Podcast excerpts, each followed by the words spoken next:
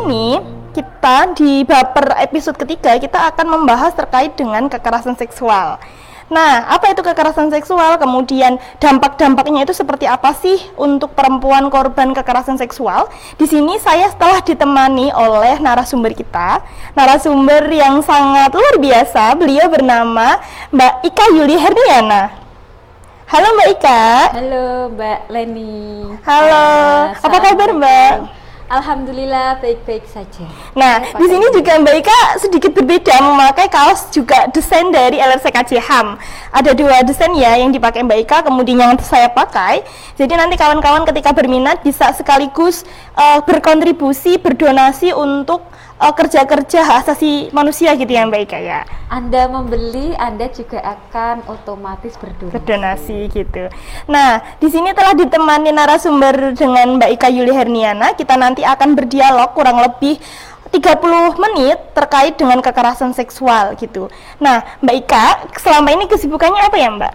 Uh, sejauh ini sih masih melakukan kerja-kerja untuk uh, yang pertama soal pengorganisasian uh, kelompok perempuan rentan, yang kedua itu advokasi uh, kebijakan. Jadi mendorong kebijakan-kebijakan pemerintah agar uh, responsif uh, gender atau berpihak kepada kelompok rentan termasuk perempuan uh, yang ketiga ya ini melakukan pendidikan-pendidikan uh, publik hmm. melalui media-media sosial, kampanye-kampanye kayak gitu. Oh nah, Mbak Ika ini dari divisi atau sebagai kepala divisi advokasi kebijakan. Nah, mungkin Mbak Ika bisa sedikit cerita terkait dengan kerja-kerja di divisi advokasi kebijakan, Mbak. Kira-kira kerja-kerjanya itu seperti apa? Kemudian ngapain aja sih gitu? Uh, mungkin singkat ya, mm -hmm. kalau di divisi advokasi kebijakan itu ada beberapa kerja-kerja yang dilakukan.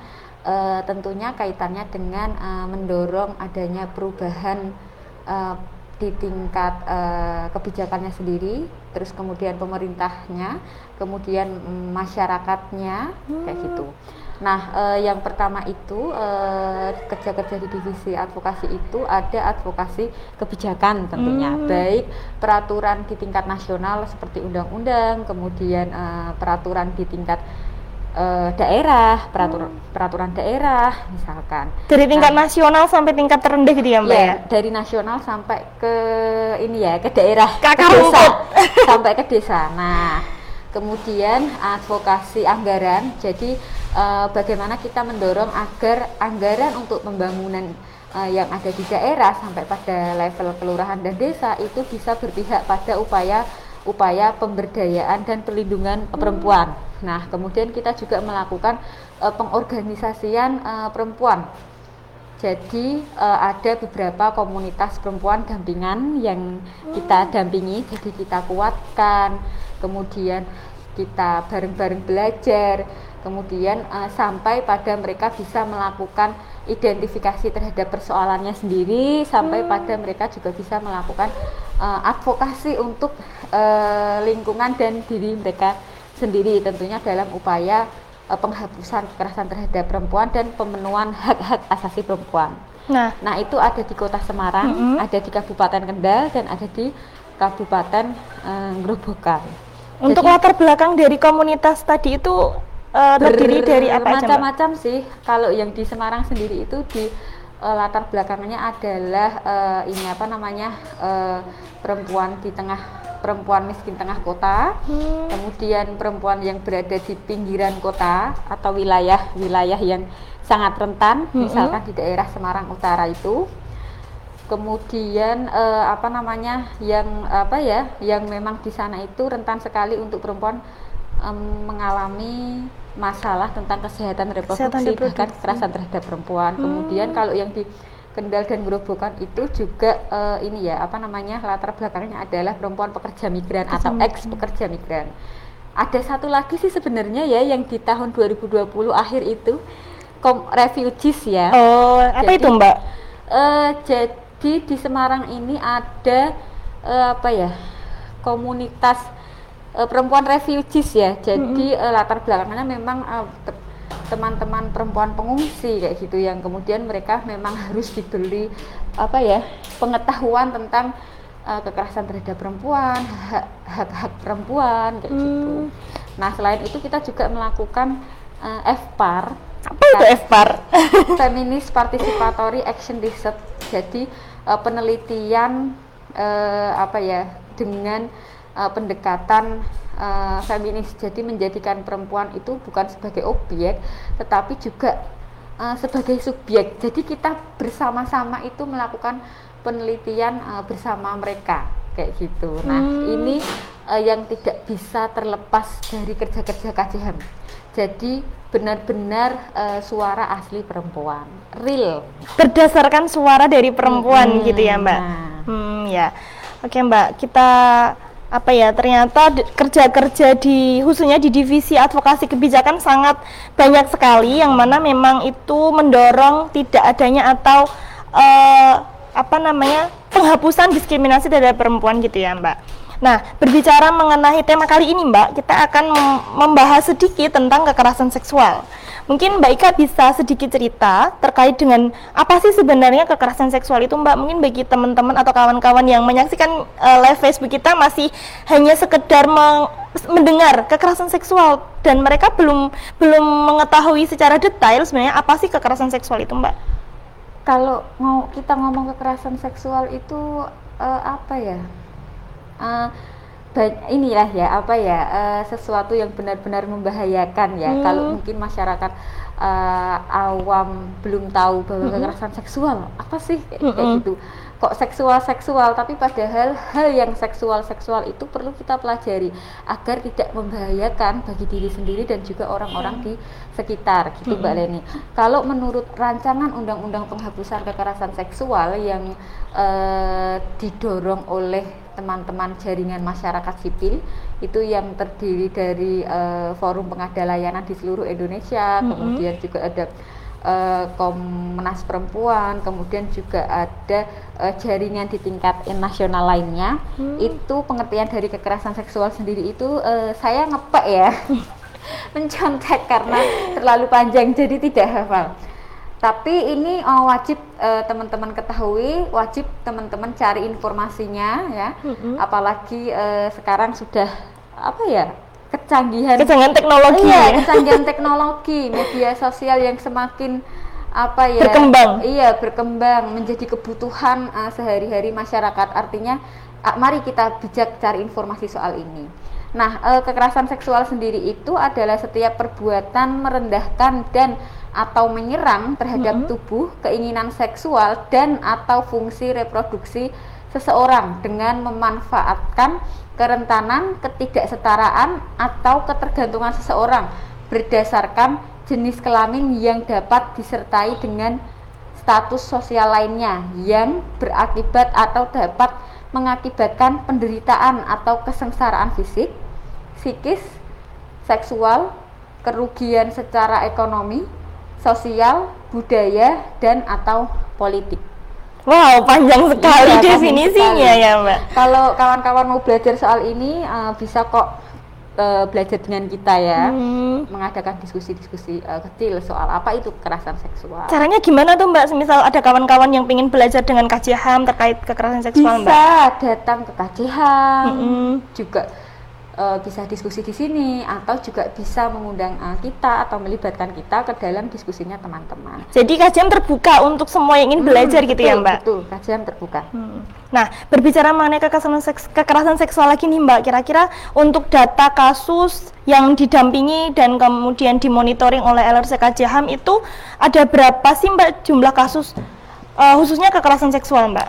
Uh, kalau dari data kasus sendiri, kasus kekerasan terhadap perempuan itu di tahun 2020 itu sekitar 151 kasus dan 70 persennya ya sepertinya Mm-hmm. Itu adalah jenis kasus kekerasan seksual tertinggi itu perbudakan seksual Lebih dari setengahnya ya, Mbak? Iya, lebih dari setengahnya. Makanya itu kan sangat miris sekali. Itu eh, data yang dihimpun oleh LRC KJHM eh, dari data monitoring media Mm-mm. sama data pendampingan langsung atau penanganan langsung. Berarti dari 73 persenan itu ada yang didampingi langsung dan Ada kemudian yang- ada yang berdasarkan monitoring iya, gitu, Mbak? iya. Jadi LRC KJHM juga melakukan eh, monitoring eh, media baik sosi, baik online maupun media cetak. Hmm, iya. Kita melakukan pendampingan. Berarti sangat miris ya, Mbak. 73% dari 100% itu kekerasan seksual. Iya, kurang lebih ya. Jadi Wow. itu tertinggi itu perbudakan seksual, kemudian ada eh, apa namanya ya perkosaan, Mm-mm. kemudian satu lagi itu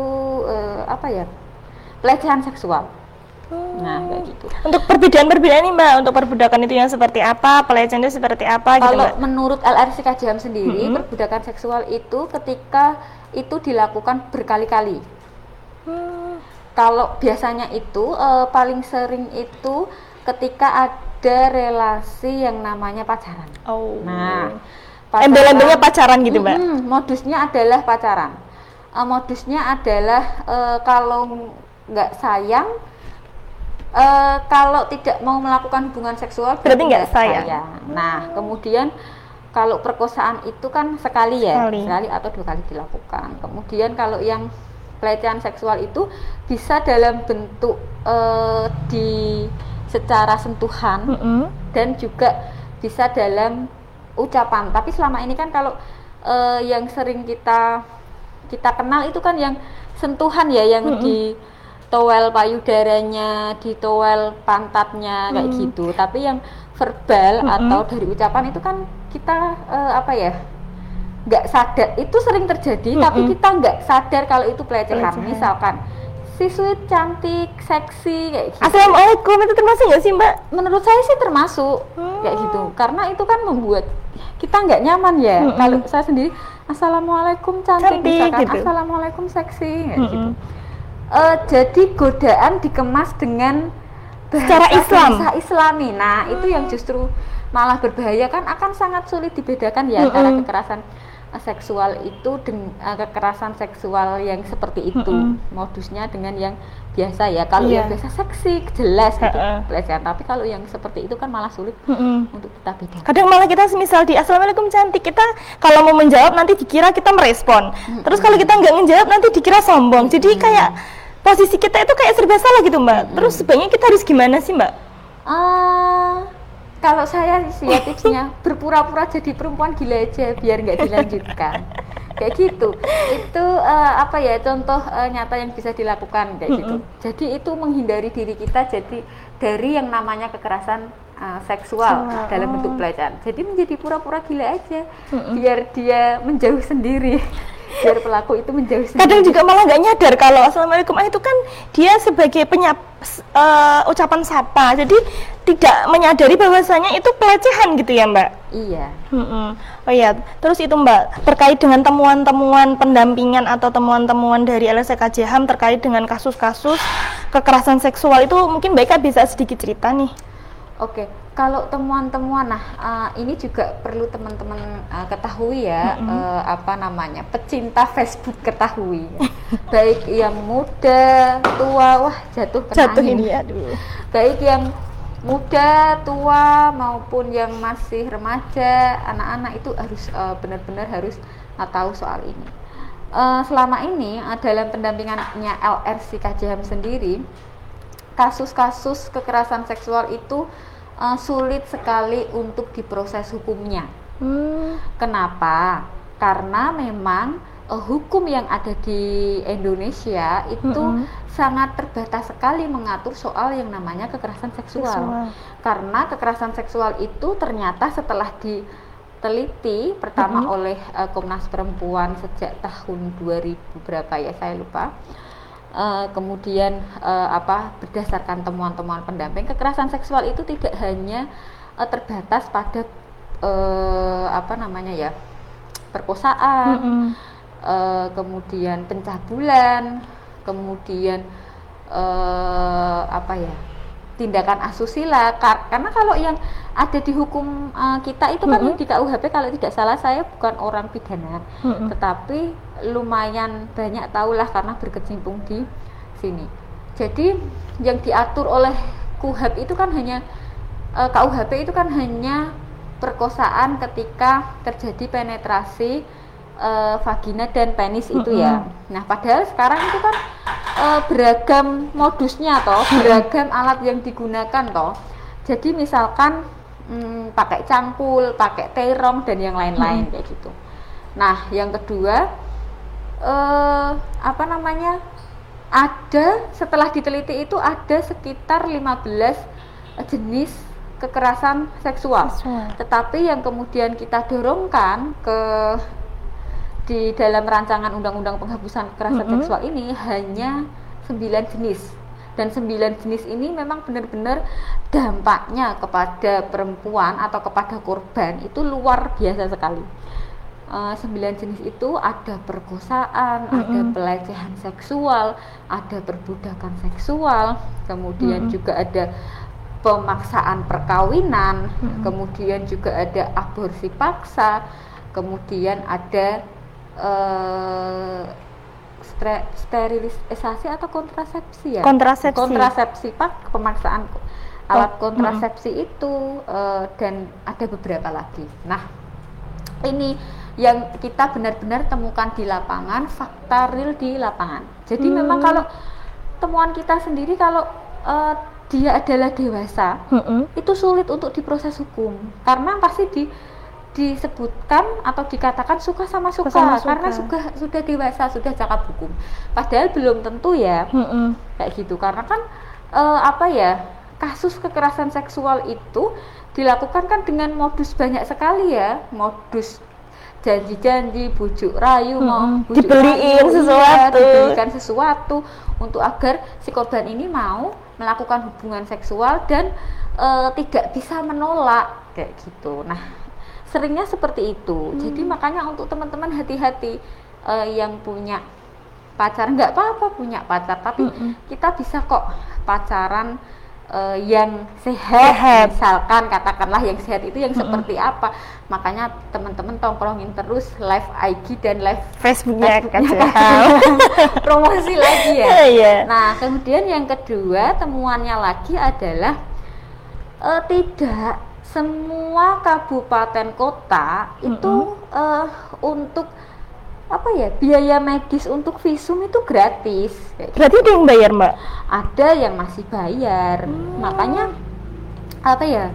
Uh, ini juga menjadi PR pemerintah ya, mm terutama negara bagaimana di semua atau di seluruh Indonesia itu untuk uh, layanan medis bagi korban mm kekerasan seksual itu gratis.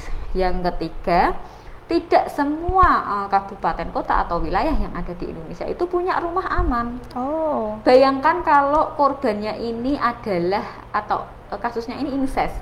Hmm. Jadi incest itu uh, apa ya kekerasan seksual yang dilakukan oleh ayah kandung ke anak kandung misalkan. Bayangkan.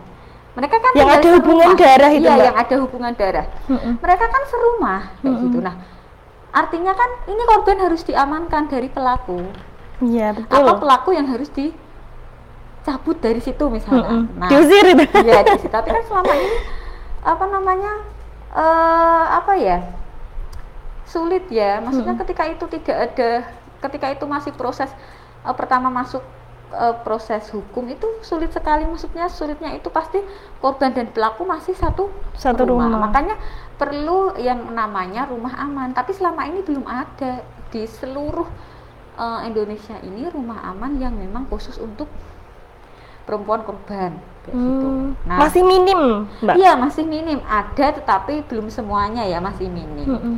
Karena memang kalau kita ngomong rumah aman ya harus disiapkan semuanya ya. hmm, ya. Fasilitasnya Kemu gitu. Hmm. Nah, kemudian yang keempat itu soal stigma. Nah, hmm. ini yang sering ditemukan oleh teman-teman kajian ketika mendampingi korban. Jadi misalkan ya uh, di rumah sakit mendampingi korban untuk -hmm. akses pemulihan kesehatannya. Pasti ada stigma seperti ini. Ya iya pantas diperkosa karena pakainya aja baju ketat-ketat. Iya minim rok minim. Nah kalau kita nalar kalau kita sadari kekerasan seksual sekarang itu tidak hanya terjadi pada perempuan-perempuan yang pakai baju-baju minim. Banyak kok perempuan-perempuan yang berjilbab Hmm. yang pakai daster anak-anak ibu-ibu yang menjadi korban kekerasan seksual. Nah stigma-stigma seperti itu yang harus kayak dan gitu. justru itu malah sampai sekarang itu kayak membudaya gitu mbak Mm-mm. jadi mesti yang disalahkan itu pakaiannya lah Iya, keluar Jadi- malamnya Mm-mm. lah. padahal nggak tahu kita keluar malam itu bisa saja kerja Iya, atau apa betul. Mm-mm. Nah, itu yang kemudian apa ya sulit sekali untuk kita hilangkan eh, stigma-stigma itu. Terus temuannya lagi juga eh, korban ini dapat tindakan-tindakan ancaman atau represif dari misalkan katakanlah pelakunya itu adalah orang ter mempunyai kewenangan Punya memiliki kuasa. ah, memiliki kuasa Hmm. misalkan kayak dosen uh, guru rektor Mm-mm. kemudian pejabat publik nah justru yang uh, temuan kita ini justru korban yang ini apa namanya yang dapat tin- upaya-upaya tekanan represif yang sangat luar biasa Hmm. sekali sehingga membuat korban tidak mau melaporkan Melaporkan. kasusnya karena merasa takut takut ya. terintimidasi. Padahal nggak perlu takut karena lembaga-lembaga seperti kajian ini banyak. Kemudian teman-teman yang menjadi korban kekerasan seksual itu tidak sendirian kayak gitu. Nah dan masih banyak lagi eh, temuan-temuannya. Ada yang eh, korban disuruh mencari alat buktinya sendiri Hmm. gitu karena kan kalau kasus kekerasan seksual kan eh, kecenderungannya dilakukan di ruangan-ruangan yang tertutup ya dan nggak ada yang melihat ya mbak Iya, nah, ah, jadi itu yang memang benar-benar ah, sangat sulit bagi korban untuk. Nah, di masa COVID Corona ini, Mm-mm. Mbak Leni, jadi apa namanya? Sekarang malah ah, ini semakin berkembang oh dengan cara yang baru, yaitu kekerasan ah, seksual berbasis online. oh apa itu mbak gimana itu mbak contohnya mbak Jadi, misalkan ah, pacaran nih kita terus mengirimkan fotonya karena LDR mungkin ya mbak Iya, Oh. dikirimkan fotonya itu. Kemudian nanti eh, itu akan digunakan atau dijadikan ancaman oleh pelaku kepada korban kan? ketika nggak mau lagi Ah, gitu akan disebarkan. Nah, ini yang kemudian semakin merajalela karena kecanggihan teknologi, Hmm. kekerasan pun juga semakin canggih modusnya ya. Mm-mm. Iya. Ya, ber- berarti begitu banyak hambatan-hambatan atau temuan-temuan yang ditemukan oleh LRC Kajian gitu ya, Mbak. Mm-mm. Kemudian terkait dengan dampak nih, Mbak. Kira-kira ketika dia perempuan dan menjadi korban kekerasan seksual, kira-kira dampak apa saja sih yang dialami atau dirasakan oleh perempuan korban itu, Mbak? Eh, dampaknya banyak, trauma berkepanjangan. Nah, ini ada juga eh, kawan yang kita dampingi Mm-mm. bahkan sampai sekarang itu sulit sekali untuk menemukan pasangan Oh. karena traumanya itu dan karena takut juga pasangannya akan mengetahui kasusnya. kasusnya Nah, yang kedua hamil yang tidak diinginkan. kehamilan ya, Mbak. Iya, betul, kehamilan yang tidak diinginkan. Nah, ini kadang akan mendorong korban untuk melakukan tindakan aborsi untuk menyembunyikan kehamilannya atau nekat misalkan eh, melahirkan sendiri. Hmm, banyak Mbak itu, Mbak. Banyak, kita ada kasus di Jawa Tengah itu dampingin Mm-mm. yang dia adalah korban kekerasan seksual, dia melahirkan sendiri karena selama ini keluarganya nggak tahu Nggak tahu. dan anaknya itu delalah ya Mm-mm. delalah jadi memang kalau nasib ya Mm-mm. anaknya itu meninggal ketika dilahirkan Dilahirkan. karena ketidaktahuannya soal uh, kalau melahirkan kalau hamil itu seperti apa Mm-mm. melahirkan itu harus bagaimana ketidaktahuannya itu akhirnya kan melahirkan sendiri anaknya meninggal nah justru malah si korban ini yang dikriminalkan Oh, karena dianggap sudah membunuh, membunuh. anaknya kayak gitu bayangkan dampaknya kan akan Mm-mm. bertubi-tubi ya nah rasa bersalahnya Mm-mm. kemudian bagai terus kemudian di, di masyarakatnya Mm-mm. kayak gitu nah selain itu juga ada juga yang dampaknya kecanduan Oh, iya kok bisa kecanduan, Mbak? karena sudah pertama sakit kedua Mm-mm. merasakan enak dan akhirnya akan mengulanginya ter dan kecanduan ini biasanya itu terjadi pada korban-korban yang usianya masih Anak. anak. Oh. Nah, kan- Kalau dewasa berarti enggak, Mbak? Atau itu Eh, hanya anak aja, Mbak?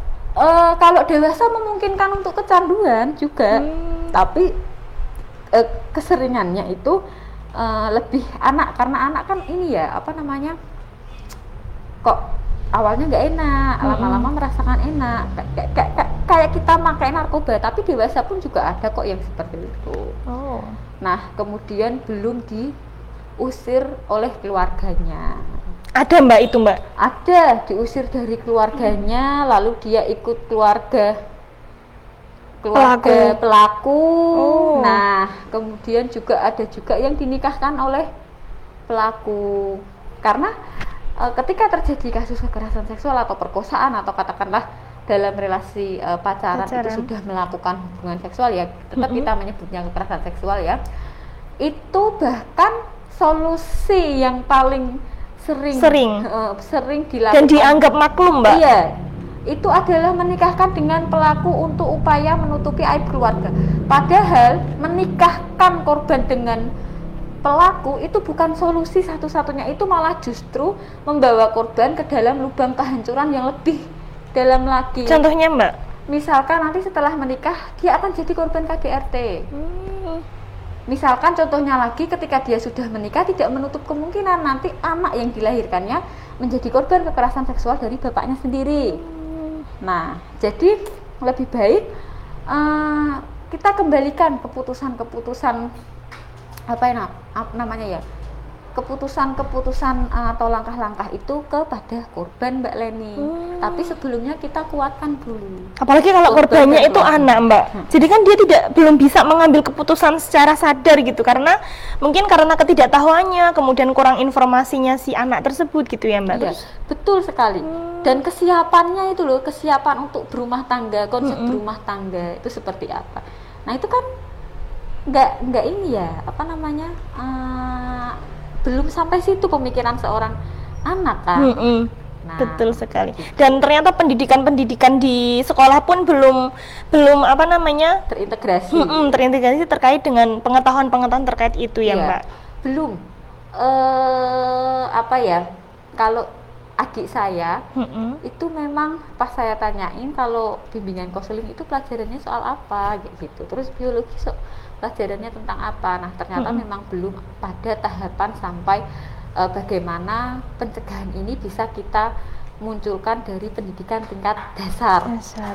kemudian SMP Mm-mm. SMA nah padahal itu penting kita munculkan ya Mm-mm. misal dia include di pelajaran biologi atau eh, BK tapi dia lebih apa ya lebih mendalam gitu ya Mm-mm. jadi sehingga eh, pengetahuan anak-anak ini eh, apa ya cukup cukup paham lah terkait hal itu. Hmm. Terus terkait itu Mbak, tadi kan juga udah disampaikan Mbak Ika terkait dengan temuan-temuan yang ditemukan oleh LRCK, oleh LRCKJ HAM. Nah kemudian untuk hambatan nih Mbak, hambatan ketika korban perempuan korban itu ingin menuntut keadilan, menuntut hak-haknya. Kira-kira korban itu menemukan hambatan-hambatan apa saja sih ke dalam proses perjalanannya itu Mbak? Banyak sekali ya khususnya di proses hukum Hmm. karena memang belum ada payung hukum seperti yang saya sampaikan di awal tadi Mbak. Leni ya belum ada payung hukum yang mengcover Mm-mm. eh, semua eh, jenis kekerasan seksual Oh. Nah, terus kemudian apalagi ya? Ketika contohnya ya pada substansi hukumnya sendiri. Mm-mm. Pengaturan soal kekerasan seksual itu kan terbatas. Kemudian pada tahap eh, struktur hukumnya sendiri. Di BAP aja belum Mm-mm. ada ruang khusus. Tidak semua kantor polisi itu memiliki ruang khusus untuk eh, BAP korban. Perempuan ya khususnya. Hmm, Berarti masih tercampur gitu Mbak? Iya, betul, masih tercampur. Nah, kemudian apalagi ya? Kalau di struktur hukum itu, tadi ya rumah aman saya sudah Mm-mm. sampaikan. Kemudian di layanan kesehatan itu belum semua rumah sakit itu ada eh, layanan khusus memang untuk perempuan korban kekerasan seksual belum ada. Oh. Jadi eh, kalau mau antri obat, Mm-mm. mau antri pemeriksaan, itu ada yang masih dijadikan satu dengan korban pasien, pasien lainnya. biasa gitu. Nah, bayangkan kalau itu misalkan katakanlah uh, korbannya anak dan Mm-mm. dia hamil misalkan ya, Mm-mm. pasti kan akan ak- timbul pertanyaan di sekitar ya Mm-mm. pas- oleh pasien sekitar. Ini apa, Cik? Cik? Ini kenapa masih kecil kok sudah hamil? Udah besar perutnya Nah, ah, gitu. itu. Ini mesti anak katakanlah anak Anak nakal nakal. atau apa. Nah, kayak gitu kayak gitu. Nah, di struktur hukumnya sendiri juga belum ada Mbak. Mm-mm. Kayak gitu. Ada eh, kalau di Jawa Tengah sendiri saya katakan sudah cukup bagus ya Mbak Leni. Mm-mm. Eh, bisalah jadi contoh untuk eh, kabupaten kota atau wilayah wilayah-wilayah lainnya karena memang sudah bagus di kota Semarang sendiri juga sudah ada yang namanya klinik apel kalau nggak salah ya itu memang Oh. khusus untuk eh, apa ya pemeriksaan untuk korban-korban Itu di kota Semarang, Mbak? Iya Oh. di apa RS Wang apa sih Ket, dulu ketilem Wangsanegara. iya Oh. di rumah sakit Wongsonegoro itu Mm-mm. sudah memiliki layanan khusus kemudian di rumah sakit Tugu Rejo Mm-mm. itu juga sudah memiliki layanan khusus untuk Mm. perempuan korban jadi ketika kita datang Mm-mm. diketahui kok kita periksa kok tidak ada suami atau apa nah Mm-mm. mereka sudah bisa mendeteksi atau bisa apa ya bisa langsung mengkontak lembaga layanan yang ada di Jawa Tengah Kayak sudah terintegrasi Iya, gitu sudah. ya, Mbak. nah sudah terintegrasi ya benar Mm. di Polda pun juga sama Iya. Terus terkait dengan payung hukum nih, Mbak. Tadi kan juga Mbak Eka udah menyinggung terkait dengan eh, Indonesia itu baru ada KU KUHAP Iya. yang mana memang belum bisa mencangkup semua jenis-jenis kekerasan seksual. KUHP. KUHP Iya. ya, KUHP. Mohon maaf karena tidak berbackground hukum dan masih masih banyak belajar di LRC Kajian gitu ya. Kemudian terkait dengan payung hukum nih, kira-kira eh, menurut Mbak Ika atau pengalaman dari KJHAM di Indonesia itu apakah sudah ada payung hukum yang memang bisa memenuhi dan melindungi perempuan korban kekerasan seksual, Mbak?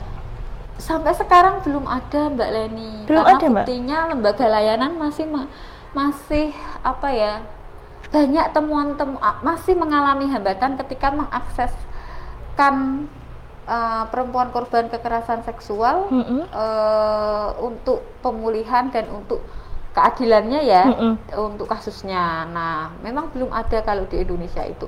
Kita masih mendorong Mbak Leni untuk Mm-mm. rancangan undang-undang penghapusan kekerasan seksual ini sejak tahun 2015 kita dorongkan dan sampai sekarang itu belum disahkan. Masih udah begitu udah sangat lama ya, Mbak? Iya.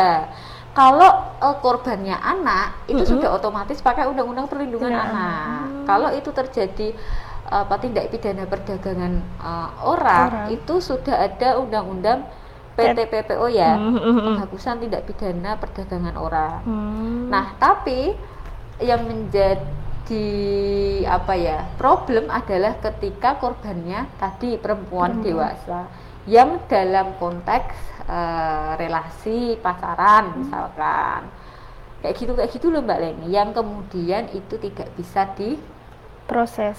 Iya, proses secara hukum misalnya kayak tadi yang saya contohkan ada anak Mm-mm. eh ada perempuan eh, hamil yang tidak diinginkan karena Mm-mm. kekerasan seksual kemudian melahirkan anaknya meninggal Mm-mm. kan justru si korban yang dikriminalkan nah eh, hal-hal yang seperti itu yang yang eh, diperlukan untuk payung hukum ini hadir Mm-mm. di Indonesia karena kekerasan seksual di Indonesia ini eh, sangat tinggi ibaratnya kayak gunung es Gunung gitu. es. Nah, eh, makanya perlu upaya bersama untuk mendorong rancangan undang-undang penghapusan kekerasan seksual ini. Kalau kemarin ada pro kontra soal rancangan undang-undang Mm-mm. penghapusan kekerasan Rame seksual tuh, Mbak. ini, iya, bener rame sekali. Nah, kalau memang ada pro kontra, mari yang kontra belajar mendalami soal eh, substansi dari rancangan undang-undang tersebut. Rancangan Hmm. undang-undang tersebut itu sudah cukup lengkap dan memang sesuai dengan kebutuhan korban. Hmm. Kayak gitu Mbak Leni. Oke, jadi memang sangat dibutuhkan sekali ya Mbak, undang-undang sangat. yang mana sangat berpihak atau sesuai dengan kebutuhan-kebutuhan korban. gitu. Karena kekerasan seksual ini apa ya? Eh masih dianggap menjadi aib, Mm-mm. hal yang tabu untuk dipelajari. Nah, sebenarnya uh, ini bukan hal yang tabu tapi hal yang sangat penting untuk kita pelajari Mbak Leni. Hmm. Karena uh, apa ya?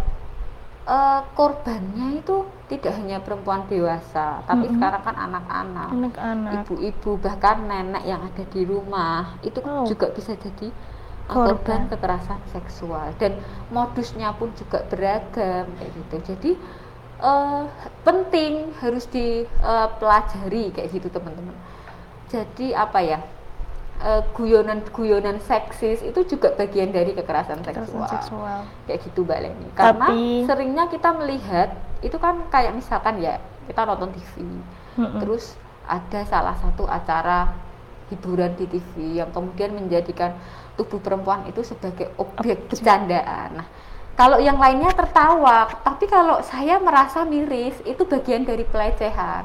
Itunya gede ya kayak gitu. Hmm. itu bagian dari uh, pelecehan. Nah harusnya kita semua termasuk selebritis influencer siapa pun lah sudah tidak menjadikan tubuh perempuan ini sebagai objek. bahan bercandaan sudah tidak. Tetapi mulai menghargai apa yang melekat pada diri, diri perempuan.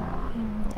Kemudian nih Mbak tadi sudah ber apa namanya uh, mengungkapkan bahwasanya memang perlu adanya payung hukum. Hmm. Ini mungkin Mbak, Mbak Ika bisa menyampaikan eh, harapan-harapan uh, atau uh, apa namanya pesan-pesan untuk pemerintah yang memang pemangku kebijakan nih Mbak.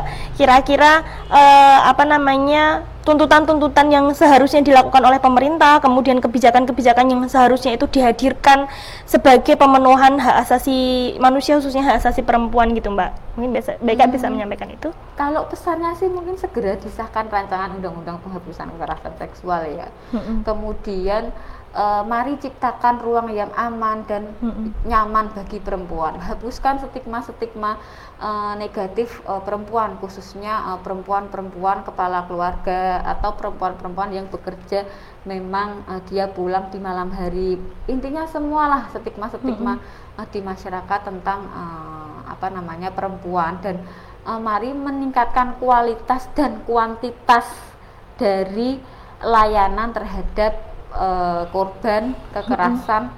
seksual atau korban kekerasan terhadap perempuan. Uh, perempuan dan harapannya layanan itu juga bisa diintegrasikan dengan uh, situasi sekarang Mbak Reni hmm. pandemi Covid uh, 19 ya. Nah, meskipun pandemi, hmm. kemudian akses jadi terbatas, apa pun terbatas harus jaga jarak, tetapi layanan ya jangan jaga jarak. Iya. Layanan ya harus otomatis untuk hmm. korban kayak gitu itu sih uh, harapan saya Mbak Leni untuk ke depannya. Hmm. dan uh, sahabat-sahabat Facebook atau teman-teman pecinta Facebook ini harapannya bisa lebih memanfaatkan Facebook ini menjadi uh, media atau sarana uh, belajar. belajar.